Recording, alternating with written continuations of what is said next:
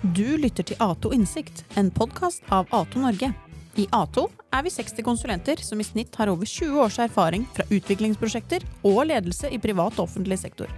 Rådene får du av erfarne konsulenter, og prosjektene gjennomføres av de samme konsulentene. Abonner gjerne på vår podkast på din foretrukne plattform.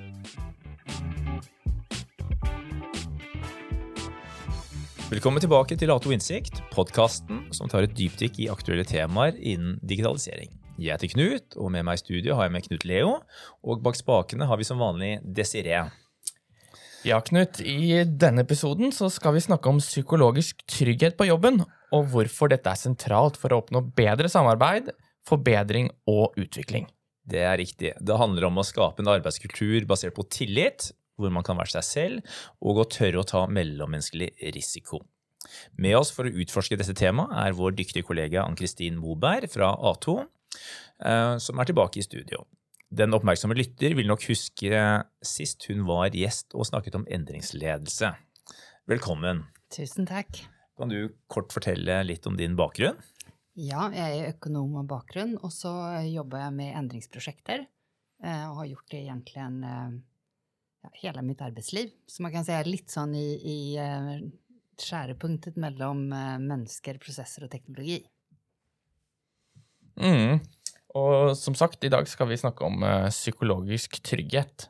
Noe som är väldigt i vinden om dagen. Kan du säga lite om hvor, hvorfor det? Varför har det plötsligt kommit på banan? Eh, jag tror egentligen att det handlar om att eh, när världen runt oss blir stadigt mer komplex och det blir allt större krav till prestation, då blir ju det här med gott samarbete och trygghet i de mänskliga relationerna, kanske speciellt i team, allt viktigare. Vi kan ju tänka egentligen att tidigare när organisationerna var mycket mer hierarkiska, då var rollerna på ett sätt lite enklare. Jag hade mina uppgifter och jag tänkte inte bekymra mig för de andra. Man pratar ibland om det uttrycket above my pay grade. Mm. Men idag så har ju liksom mängden teamarbete ökt. Och vi pratar hela tiden om det till och med såna här självstyrte team som sätts samman för att lösa något vanskligt eller tänka något nytt. Så det betyder ju också att man ger liksom mer beslutningsmandat eh, ut. Och jag tror att hela vårt syn på individet har ju drejd mot det att man förväntar att man är proaktiv och, och, och tar mer helhetlig ansvar. Så jag tror liksom rätt slett så har det blivit mer komplext. Och då blir det väldigt mycket viktigare med samhandling och kanske speciellt då den typ av samhandling som virkelig sikrar att man evner å bruke all kompetens i de her teamene. Så det vi snakker om, er egentlig godt teamarbeid. Man kan kanskje si at vi prater om en spesifik ingrediens for å få til godt teamarbeid. For det har jo vært forsket på team och teamarbete ganska länge. Men det var egentligen först i 1999 som en professor från Harvard som heter Amy Edmondson eh, sin forskning, forskning definierade den här faktorn psykologisk trygghet i grupper och att det var på ett sätt den som påverkade teamprestation allra mest. Och hon har gjort mycket forskning eh, hälsosektorn på operationsteam och så vidare. Eh, och så är det säkert kanske många som har hört talas om den här Google-studien som blev gjord i 2012 som heter Aristoteles. Det finns det också många artiklar om, hvor man på ett sätt studerade flera hundra team och det var forskjellige typ team. Det var liksom produktionsteam och salgsteam för att finna ut vad det var som var viktigast för teamprestation. Och grunden att man gjorde det, det var ju akkurat det man pratat om att vi säger att nu jobbar man mer och mer i team. Eh, och då fann man faktiskt att fällesfaktorn för de teamen som presterade bäst, det var psykologisk trygghet. Och först efter det så kom det som vi på ett sätt kanske mer förknippar med gott teamarbete, som tydlig mål och struktur och förväntningar till varandra. Så bare sånn, Kan man säga att det var Google som tog det här lite mer mainstream? att det blev mer känt än detta med psykologisk trygghet som en vad ska man säga, en faktor? Eller altså, tok det vekk fra akademia og inn i, i praktisk eh, Det, det är svårt att, att svara på, men det Ja. kan ju också vara det att Google är ett så välkänt sällskap, så därför har den här studien blivit. Men det var i vart fall en väldigt stor studie. Ja. Och den gick över många år och man hade, jag tror, upp mot 180 team som man följde och som man liksom systematiskt följde upp på, på um, det här, eller i studien. Men jeg vil vel kanskje likevel si at det er forholdsvis ung, ung forskning. Det er mye forskning som, som står igjen på feltet. Absolut. Eh, men da kommer det egentlig litt sånn interessant her, fordi en, en snakker jo om, om eh, sammenhengen mellom psykologisk trygghet og teamprestasjon. Men, så jeg lurer litt på hvordan, hvordan måler en da teamprestasjon i, i denne konteksten her? Hvordan har en gjort det? Mm. Det, det är viktigt och det, det är ett gott poäng. Det är ju viktigt i forskning och speciellt sån här jag lite kvalitativ forskning att man är väldigt tydlig på vad man målar. Mm. Och det brukade man väldigt mycket tid på i den här eh, Google-studien också. Eh, och tänkte väl först att man skulle eh, pröva att måla på så kvantitativa faktorer som möjligt. Och det man änte upp med till slut, det var att man, man målte både på en kombination av kvantitativa mål som för exempel salgstal, vällyckade produktlanseringar och den typ av ting. Och också mer kvalitativa mål som eh, upplevd trivsel och gott samarbete. Så, så det var på ett sätt en kombination av att måla på de här som gjorde att man kunde säga vilka, vilka som, som presterade bäst. Och då var det då den här faktorn, psykologisk trygghet, som gick igen allra mest. Och det man kanske kan träcka som konklusion av det, det är ju att, att när man ska jobba med det så är det ju viktigt att man är enig om vilka mål man har, vad, på ett sätt, vad som är prestationsförväntningarna på det här teamet. Och att man pratar om det. Er det, noe, ja. er det noe forskning på dette her eh, i Norge? Ja, det finns en väldigt duktig forskare som heter Bård Fyn som är vid NH och han har forskat mycket på psykologisk trygghet också upp mot teameffektivitet. Och um, han har många olika fynd, men, men bland annat när vi pratar om det, det är att, att ett av hans väldigt viktiga fynd som han sagt många gånger, det är att psykologisk trygghet är färskvara. Du må på ett sätt jobba med det hela tiden och kontinuerligt. Men, men, men det handlar då om, om prestation och, och det jag syns är intressant är att man, man jobbar med psykologisk trygghet innanför väldigt många olika sektorer. Och det som är eh, god prestation vill ju variera. Så till exempel hälsosektorn där eh, patientsäkerhet och på ett sätt kvalitet är väldigt viktigt. De jobbar mycket med psykologisk trygghet. Och så vet jag faktiskt också att, att en helt annan verksamhet som eh, Oljefondet Eh, de har startat ett forskningsprojekt, tror jag, med ett svenskt miljö där, där de ska se på hur kan vi få upp psykologisk trygghet i en del av de här meglerteamen som ju också ska hantera väldigt stor osäkerhet och prestera på ett väldigt högt nivå. Ja, nå har du snakket litt om eh, teamprestasjon, men hva er det psykologisk trygghet betyr for den enkelte? Ehm, Er det en definisjon, for eksempel? Ja. Jag syns egentligen att definitionen till Amy Edmondson uppsummerar det väldigt bra. För hon säger att det är en del tro på att det är tryggt att ta mellanmänsklig risiko. Som att komma med förslag, ställa spörsmål eller inrymma fail, visa sårbarhet för exempel. Eh, så det att törra och förtälla om en ny idé man har eller stille spörsmålstecken vid en annans lösning eller dela en bekymring för att man eventuellt har gjort fel. Det kan vi ju känna igen att det kräver eh, på ett sätt mellanmänsklig mot, eller det kräver lite mot. Och visst man då tror, eller om man har upplevt att något sånt icke blir gott tatt mot, då eh, är det ju lättare att la vara. Och på ett sätt, och då är, är då är det så att visst jag då la vara, då går ju teamet glipp av den här viktiga informationen. Och därmed på ett sätt så synker vår fälles ämne till att prestera. Så, så definitionen är en del tro på att det är tryggt att ta mellanmänsklig risiko som att komma med förslag, stilla spörsmål eller visa sårbarhet. Ja, jeg må innrømme at da jeg hørte eh, psykologisk trygghet for første gang, så tenkte jeg at dette her handlet om noe sånt som å være bevisst på andres følelser og passe på at en ikke støter noen med det, det en kommer med, som er litt sånn i tråd med det samfunnet vi, vi lever i, der, der, mange er redde for å uttrykke meningene, meningene sine nettopp på grunn av dette. Uh, og jeg vil egentlig tro at mange av lytterne våre kanskje tenkte det samme. Uh, kan du derfor tydeliggjøre hva, hva er det psykologisk trygghet ikke er for noe? For det føler jeg er kanskje vel så viktig. Ja, um, då kan man ju säga det, för det är ju lätt som säga, man har den där kopplingen att då psykologisk trygghet är att vi alltid ska vara snilla med varandra mm. och man kopplar det till att vi ska göra hyggliga ting som att ha ha vaffeln på fredag eller, eller den typen av så, och, och då kan jag säga att det är ju akkurat eh, det att vi har trygghet nog till, det, det är snarare motsatsen, att det är trygghet nog till att vi har, att vi tör att sifra utan att det upplevs som, som kritik. Eh, så det jag kan säga att det är icke den här kosefaktorn bara. Men, men det är inte heller den tryggheten i att, att uh, var och en, man alltid ska säga exakt det man syns utan att ta hänsyn till andra på ett sätt alltid prata med den högsta megafonen. Mm.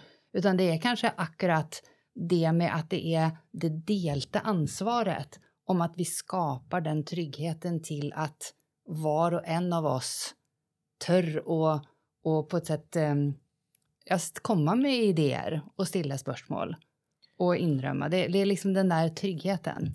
Ja, og for meg så høres det ut som det må ligge i bunn en eh, delt forståelse av at hver enkelt deltaker eh, hva skal man si, vil hverandre vel, da, ja. eh, og ønsker at teamet skal eh, prestere. fordi hvis alle er med, med, på den, så kan en stille kritiske spørsmål og eh, holdt på å si, komme med noen mm. eh, sprø ideer, eller uten at noen føler det som et hva skal man si, angrep på seg, fordi de vet at den, okay, denne personen vil bare egentlig meg vel og teamet vel. Mm. Ja. Och, det, och det, är, det, det tar Bård Fyn upp i sin forskning, så har han liksom två sådana poänger. Att det första är att vi har en, en, en slags relation, så att vi känner varandra till viss grad. Mm. Och också att vi har en på ett sätt grundläggande tro på at vi vil hverandre vel. Mm.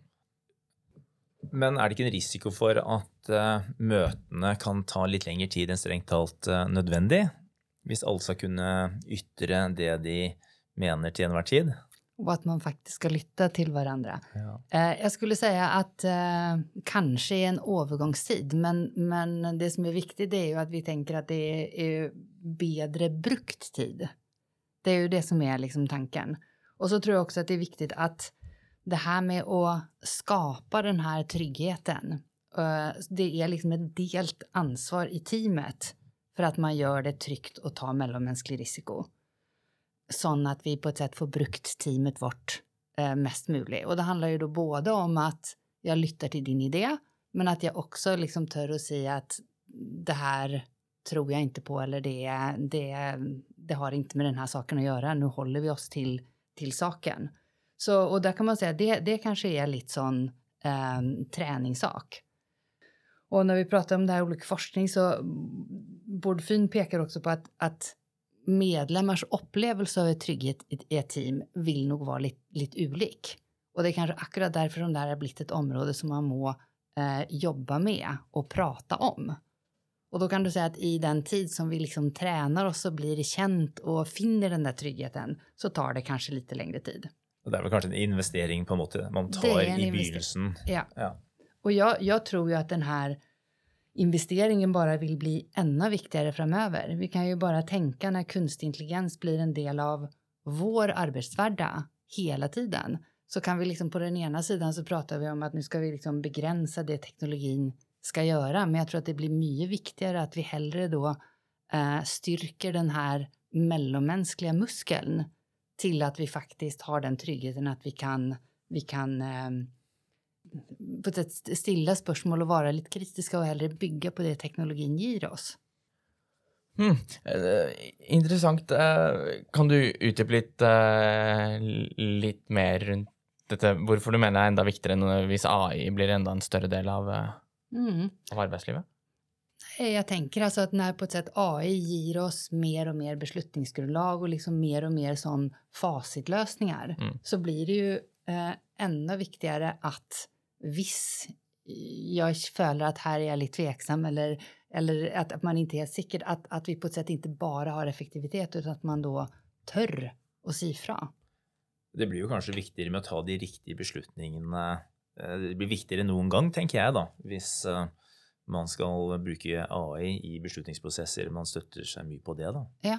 Og da er kanskje, blir jo den psykologiske tryggheten ekstremt viktig Ja. når man skal forme løsninger, da. Och jag tänker att den där psykologiska tryggheten och det att, att törra och tänka samman och det att törra och vara lite i tvil samman. Det är ju kanske då liksom den, den mänskliga motväkten mot teknologin. Yes, og der, der kan det skapes eh, noe verdi som en ikke får gjort ved bruk av teknologi, ikke sant? Så det blir på en måte en enda eh, viktigere bidragsyter i det, det vi, vi mennesker bidrar med i den konteksten eh, her, da. Men eh, hvis vi går litt, grann, eh, hvis vi går litt grann videre eh, Når en diskuterer psykologisk trygghet, er det naturlig å skille mellom psykologisk trygghet i organisasjoner og, og i team, eller er det på en måte det samme? Ehm, jag kan säga kanske både ja och nej. Den psykologiska tryggheten som vi snackar om här, den som bidrar till trivsel och goda prestationer, den är ju per definition i kontext av ett team. Mm. Eh, för det att det är, för det att det är liksom teamet som avhänger av varandra och som på ett sätt må göra to plus to till fem. Och därför så är det ju vår grad av psykologisk trygghet som spelar roll och det är kun vi som team som kan jobba med att styrka den. Uh, och, och, då, och då när jag säger team här så kan det vara både ett projektteam, det kan vara ett produktionsteam eller det kan vara en ledargrupp. Men på ett sätt vi som har ett fälles ansvar. Men så kan man ju såklart tänka att ju flera team som jobbar med det och ju flera ledargrupper som sätter det på sin agenda, ju mer sannolikt är det ju att, att det på ett sätt blir en, en del av kulturen i hela organisationen som präglas av psykologisk trygghet. Vilket då kan man tänka vill styrka den samlade prestationsämnen. Um, och det är, det, det är många stora organisationer som lägger till rätta för att team ska kunna jobba med den här tem tematiken. Och det kan för exempel vara att man har interna experter eller folk som, som kan facilitera sådana processer. Ehm, det kan också vara att man målar det i en medarbetarundersökelse. Och att man, visst man då ser att i vår avdelning så är det fler som på personlig basis icke upplever så trygghet så kan vi jobba med det i team. Men man må på sätt alltid jobba med det i teamet.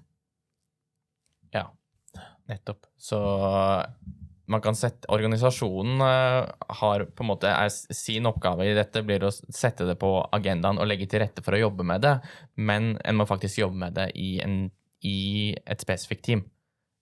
Eh, Eh, hvilken rolle spiller lederskap i å skape og opprettholde en kultur av psykologisk trygghet? Alltså, um, ehm, ledare har ju alltid en viktig roll i dynamiken i ett team. Och så om man önskar att arbeta med den psykologiska tryggheten i ett team så, så må på ett sätt ledaren, tror jag, ge det plats eh, och säga att det är viktigt. Samtidigt så eh, är det ju liksom inte säkert att det är ledaren som ska eh, hålla i hela det arbetet med att värdera och diskutera vad som ska till för att öka tryggheten i, i vårt team. För att som ledare så är man också en del av teamdynamiken. Så man påverkar ju tryggheten på ett sätt bevisst eller ubevisst. Så, så enten så kan man få hjälp av en neutral processledare bara att jobba med det. Eller så må man liksom ävna till att ta den där helikoptermodusrollen och skapa den öppna arenan hvor, hvor vi kan liksom diskutera i vilken grad har vi den här mellanmänskliga risken hos oss. Ja, det setter kanskje litt sånn ekstra krav till lederen hvis den ska ha den rollen òg. For det första så tänker jag att eh, lederen må vel kanskje da i utgangspunktet være eh, en som de flesta i gruppen har tillit til og har et godt forhold til allerede, hvis det skal funke. Og, og også det eh, i den grad det er krevende å kjøre en, en sånn prosess også, da. Mm, yeah. men, men det som också är viktigt att säga är att eh, när man då har kört en sånn process och man kanske har gjort en värdering och att teamet i fällskap har blivit eniga om någon tiltak eller noen forbedringsområder, då är det ju på ett sätt än en gång den här ledarrollen i att sikra att man fortsätter att jobba med det och iverksätter de här tilltaken är ju otroligt viktigt. Uh, och, jag, och jag tror, men jag, jag, tror att alltså, som ledare, man är alltid rollmodell. Alltid. Men jag tror att för, för många ledare så kan det att köra en systematisk och konkret process för att jobba med, med mm, psykologisk trygghet, det, det kan vara lite som en, en, eh, vad ska jag säga, en väckelse eller uppdagelsesresa också. Hvordan er det du tenker at det er en, eh, en vekker? Nej, därför att jag tänker att någon gånger så är det nästan som att vi människor är liksom lite för tillpassningsdyktiga. Uh, eh, vi tillpassar oss liksom väldigt lätt stämningen och kulturen runt oss. Uh, du kan kanske själv tänka på om det är en grupp där man vet att det är dumt att komma med invändningar eller ta upp något som är obehagligt. Då är det väldigt mycket enklare att bara la vara. Och så kanske man snackar om det sen vid, vid kaffeautomaten eller på väg ut. Men då, då har man ju på ett sätt gått glipp av den där insikten. Det kommer, fra, kommer vel fra det at uh, vi alle ønsker jo på en måte å bli likt eller være en del av en sånn sosial, uh, fellesskap. sosialt mm. fellesskap. da. Mm. Så det er vel derfor det kanskje er litt lett for å bli sånn, hva det heter, uh, konformitet, hvis det er et ord. Ja. at man på en måte alle, alle i en gruppe holdt på å si, kler seg likt og mener det samme og, och lite ting. Ja, eh. och sen om man inte gör det så är det på ett sätt det vi har runt oss hela tiden, den stämningen, den, den blir vi väldigt van till. Mm. Och det är ju liksom just precis den stämningen det handlar om som vi liksom prövar att, att jobba och förbättra. Och det, det kräver på ett sätt mot och det kräver det att kunna gå lite sån i, i helikopterperspektiv. Jag syns Amy Edmondson har egentligen en väldigt god metafor. Hon säger att, att den om att den psykologiska tryggheten det är liksom själva jorden och icke en planta. Så vi kan säga att vi kan bli eniga om tilltag som att vi ska införa en bättre tillbakamälningskultur eller vi ska bli liksom mer rausa med att dela kunskap. Men det vill på ett sätt bli planter eller tilltag som alltid vill påverkas av den jorden eller den kulturen som de blir plantat i. Så, så, så visst vi verkligen ska liksom utveckla den här kultur, teamkulturen eller tryggheten i teamet, då må vi liksom klara att snacka om uh, hurdan är på ett sätt jorden hos oss, hurdan är tryggheten. Mm. Hurdan önskar vi att den ska vara? Och det är först då som de här tilltaken vill få, få god effekt. Men vilka utmaningar kan uppstå i team när det gäller att etablera och upprätthålla psykologisk trygghet? Men jag tror en utfordring det är ju akkurat det här med att få tillsträcklig öppenhet. Så på ett sätt, viss trygghetsgraden är lav allerede, då, då kan man säga att då, då stoppar det säkert upp diskussionen. Ehm, och där, där kan ju då till exempel att man har ett enkelt uh, eller något utsagn som deltagarna har fyllt ut på förhand. Det kan vara en hjälp för att liksom få ett, ett, ett utgångspunkt. För då har man liksom gjort en måling som är utanför den stämningen, vad ska kalla det. Um, men men det, det, det, krävs ju såklart att, att det här är utformat och brukas så att ingen hänges ut. Det, det, det finns det flera olika verktyg och uh, Fearless Organization som är sällskapet till hon professor Edmondson som vi pratade om, de har ett ett speciellt verktyg som är liksom eh, utformat för att lägga till rätta för öppen och sån trygg diskussion. Ja, det blir egentligen, vad ska man säga, boxöppnaren för att ja. kunna, kunna da starta diskussion eh, runt det, inte sant? Ja. ja. Uh, och en, en annan utfordring det är väl att, att all slags ändring, det tar tid och kräver insats. Så själv om man har liksom klart att skapa den här tryggheten och goda diskussioner på en arena och kanske till och med bli eniga om ändringstilltag så vet vi ju hur lätt det är att liksom ting går tillbaka till sånt som det alltid var. Nu var vi väldigt öppna och ärliga och, och på ett tidspunkt, men så kommer världen och då är vi precis så som det har varit tidigare. Och som jag nämnde tidigare, det är ett av huvudfunden till Bårdfyn, att, att eh, psykologisk trygghet är färskvara. Det är liksom sårbar färskvara som vi må jobba med kontinuerligt. Och där, mm, som vi pratade om ledars roller, där är ju den kämpeviktig. Jag, jag tänkte på att... Eh, har det varit gjort någon forskning på hur den skapar psykologisk trygghet, eller hur psykologisk trygghet ser ut i, i olika team, avhängigt av, av deltagarnas personlighet? Jeg syns jo eksempel disse altså Big Five-personlighetstrekkene kjenner sikkert mange, mange, til, og det er, det er ganske interessant. Og, og, sånn rent intuitivt så tenker jeg at det, personlighet har en betydning, men eh, jeg vet ikke om du kjenner til noe forskning som har, om de har sett på det? Det är en väldigt intressant reflektion syns jag. Jag känner inte till om det har varit någon forskning eh, gjort exakt på det, men mm. det är ju definitivt så att dynamiken och stämningen i ett team vill ju påverkas av vilka personligheter som är där. Um, men så tror jag att det att jobba med psykologisk trygghet uh, och det och, och då diskutera hur på ett sätt samspelet mellan våra personligheter uh, skapar mer eller mindre trygghet kan vara intressant oavsett.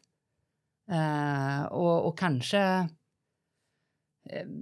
för det är att vi upplever också trygghet lite sån ulikt. Mm. Så jag tror hela poängen med det här det är att, man, att vi sätter det på agendan och vi har på ett sätt definierat att det är de här prestationsfaktorerna som går på med att törra och komma med idéer och lytta till varandra.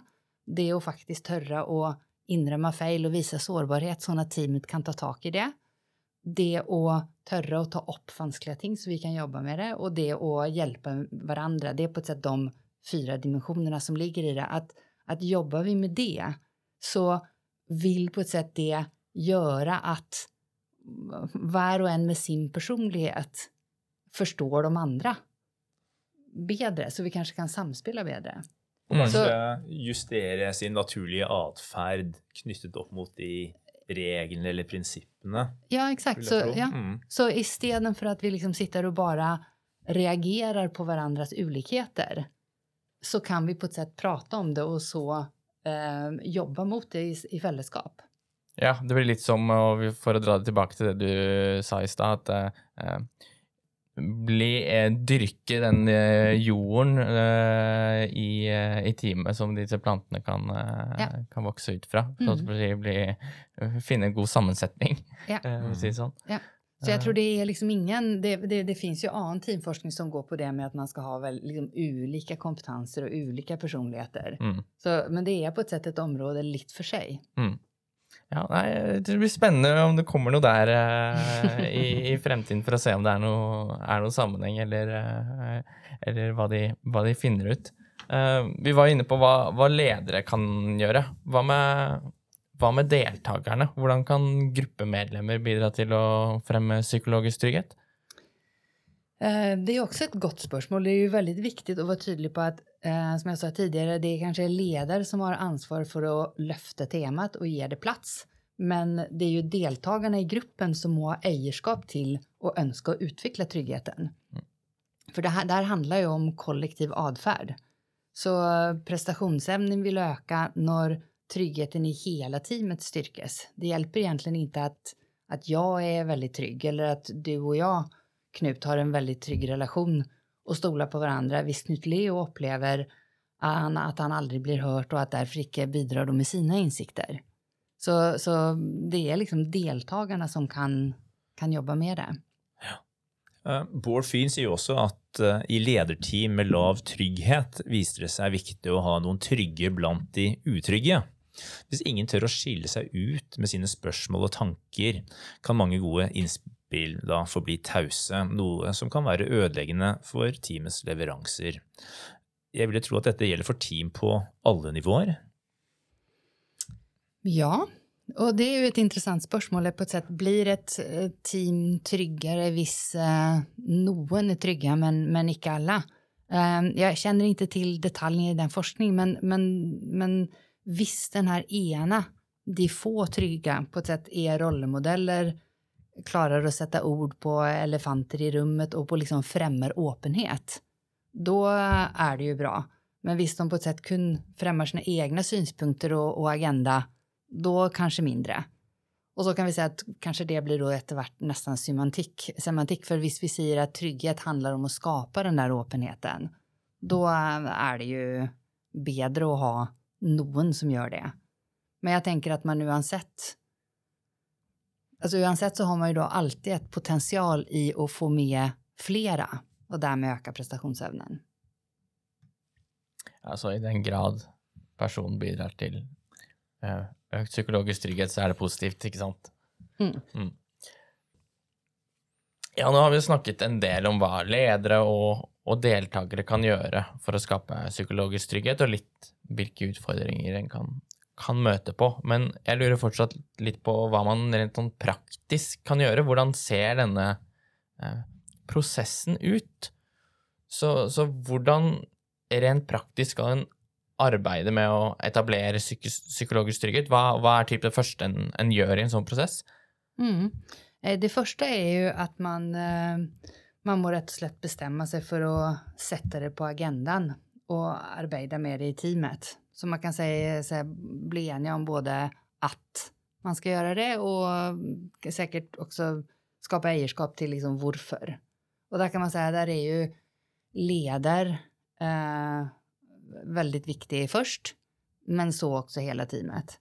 Och, men jag tycker i den sammanhangen så är det viktigt att säga att det är inte absolut bara ett team som syns att de har lav trygghet som kan eller bör göra det här, utan det här är ju egentligen ett, eh, ett potential till utveckling för de allra flesta teamen. För det handlar liksom om att man kan alltid öka sin prestation mm. lite. Och så tror jag det här vi pratade om inledningsvis, att man må kanske skapa någon slags fälles förståelse för vad man menar med psykologisk trygghet. Och, och det kräver ju också att man har en samtal runt det i teamet så att man bygger en fälles förståelse. Och där finns det ju då mycket dokumentation och, och forskning att bygga på. Det har vi redan pratat om här. Mm. Och så är ju kanske då eh, det som eh, man kan tycka är lite mer, där man må finna liksom en, en god, om vi kallar det öppen eller ärlig eller modig måte att diskutera hur är faktiskt tryggheten hos oss. Uh, och här är det vanligt att man brukar någon utsagn eller något spörsmål med en skala så att man kan på ett sätt ge sin subjektiva värdering i förkant. Mm, den uh, box, för den här diskussionen, ja. Den där boxöppnaren vi snackade om, inte Den där boxöppnaren vi snackade om. Ja. Och där, där finns det olika exempel. Uh, och det här, jag pratade om den Fearless Organization, uh, det verktyget som de har, de har typiskt, uh, det är en ganska enkel undersökelse med bara syv utsagn som man då värderar på en skala från 1 till 7 i vilken grad man är enig om och det kan vara som exempel så kan ett utsagn vara medlemmar av detta teamet är i stand till att ta upp krävande spörsmål eller teman. Eller ett annat utsagn eh, är, visst du gör en fail i detta teamet så blir det ofta hållt mot dig. Så, och visst man tänker efter på de här eh, utsagnen så är de sådana att du både kan värdera dem utifrån din egen trygghet men också utifrån vad du observerar totalt i teamet. Och det är ju det som egentligen är intressant för att vi har sagt att det här är en, en trygghet på teamnivå. Men er det ikke da en risiko for at man, kan, at man ikke tør å si sin ærlige mening, spesielt om man er da litt utrygg? Jo, eh, Eh, det är ju på ett sätt det. Och, lösningen på det, det är ju att man prövar att göra målningen eh, anonym eller i vart fall eh, eh, sammenstilt. Så att man icke sitter och lurar på vem är det som har svarat vad. Och att man kunde visa ett sammanstilt resultat. Och visst vi fortsätter att bruka den här målningen till Fairless Organization som ett exempel så eh, är den sån att den visar kun medianen och medianen är ju liksom den mittersta skåren i en grupp. Så om vi har tio personer så är det på ett sätt den som ligger helt i mitten. Och så visar den genomsnittlig variation oppad, alltså de som upplever det mer tryggt, och nedad. Så det betyder egentligen att man får bara se på ett sätt hur stor är spridningen eller variationen på i vilken grad vi upplever trygghet på den här dimensionen i vårt team. Och man ser ingen enkeltskår. Och det är ju akkurat för det att det här handlar om att det, det, är en variation i uppfattningen i vårt team och det är på ett sätt det vi ska undra oss över. Det är det vi kan diskutera. Men då inte enkeltskår. Men det vill ju likväl ge en klar indikation. Det vill ge en klar en indikation och målet då det är ju på ett sätt att man eh, har skapat nog trygghet till att alla törr å ge sitt inspel till det fällesbildet. Och, och, men då är det ju såklart viktigt att det här förklaras gott på förhand. Och att man, och det är där man kan säga att det kan någon gång vara positivt att ha en, en, en extern facilitator. För då eh, gäller det på ett sätt alla i teamet också leder, att man inte ser annat än det här samhällsgiltiga resultatet. Ja, fordi når en har fått resultatet, uh, og får, de, eh, uh, får, disse median på de, eh, de ulike påstandene, hva, hva, er det du gjør da med resultatet for å, for, å, dra dette videre? Mm. Och, och, det är ju egentligen det som är hela poängen, att målningen i sig har inte så stor värde alena, utan det är ju den diskussionen, den blir på ett sätt ett utgångspunkt för en god diskussion i gruppen då man på ett sätt eh, jobbar med det här med vad säger det här om oss? Vad betyder det här? V varför skårar vi sån? Och då blir det otroligt viktigt att då är det den som är processledars ansvar att man skapar en arena där det upplevs tryggt och ge sin mening och dela exempel och egentligen på ett sätt begrunna den här skåren man har gitt som då icke är synlig. Och här, här, här ska jag säga, här är en nyckelord typiskt nyskärrighet eller undring. Undring syns jag är ett fint ord för det är liksom lite sån positivt laddat. Men om man kan få teamet till att undra sig över varför den här, vår kommunikation, vår ämne till att hjälpa, vår ämne till, eller hur vi hanterar fel, upplever så ulikt i teamet. Så, så, så, så, så om man klarar att liksom vara nyskärrig på varandras upplevelser och kanske hålla igen de här väldigt vanliga mekanismerna som vi har och gå i försvar och förklaringsmodus. Så det kan hända att det är det allra, allra viktigaste uppgaven till den här facilitatorn. Att när folk begynner att dela exempel och kanske eh, till och med önska dem att, att mötas på en annan måte. Att man liksom klarar att hålla igen det där försvar och förklaring som vi så lätt, lätt går i. Speciellt om man följer sig lite truffet. Men att vi hellre liksom verkligen prövar att förstå varandra och vara nyfikna på hur kunde vi göra ting bättre. För då har man redan frön till goda tilltag. Ja, och, och, som du nämnde egentligen så jag tänker ju också att detta här hörs ju som den viktigaste och kanske mest krävande delen av, av det arbetet här. Vi alla har ju varit med på diskussioner om det har varit i efterkant av en retrospektiv eller, eh, eller liknande och det är det er ikke alltid så lett å få til gode og åpne eh, diskusjoner. Det er ganske, eh, ganske krevende, kanskje spesielt hvis den psykologiske tryggheten er lav i utgangspunktet. Da. Mm.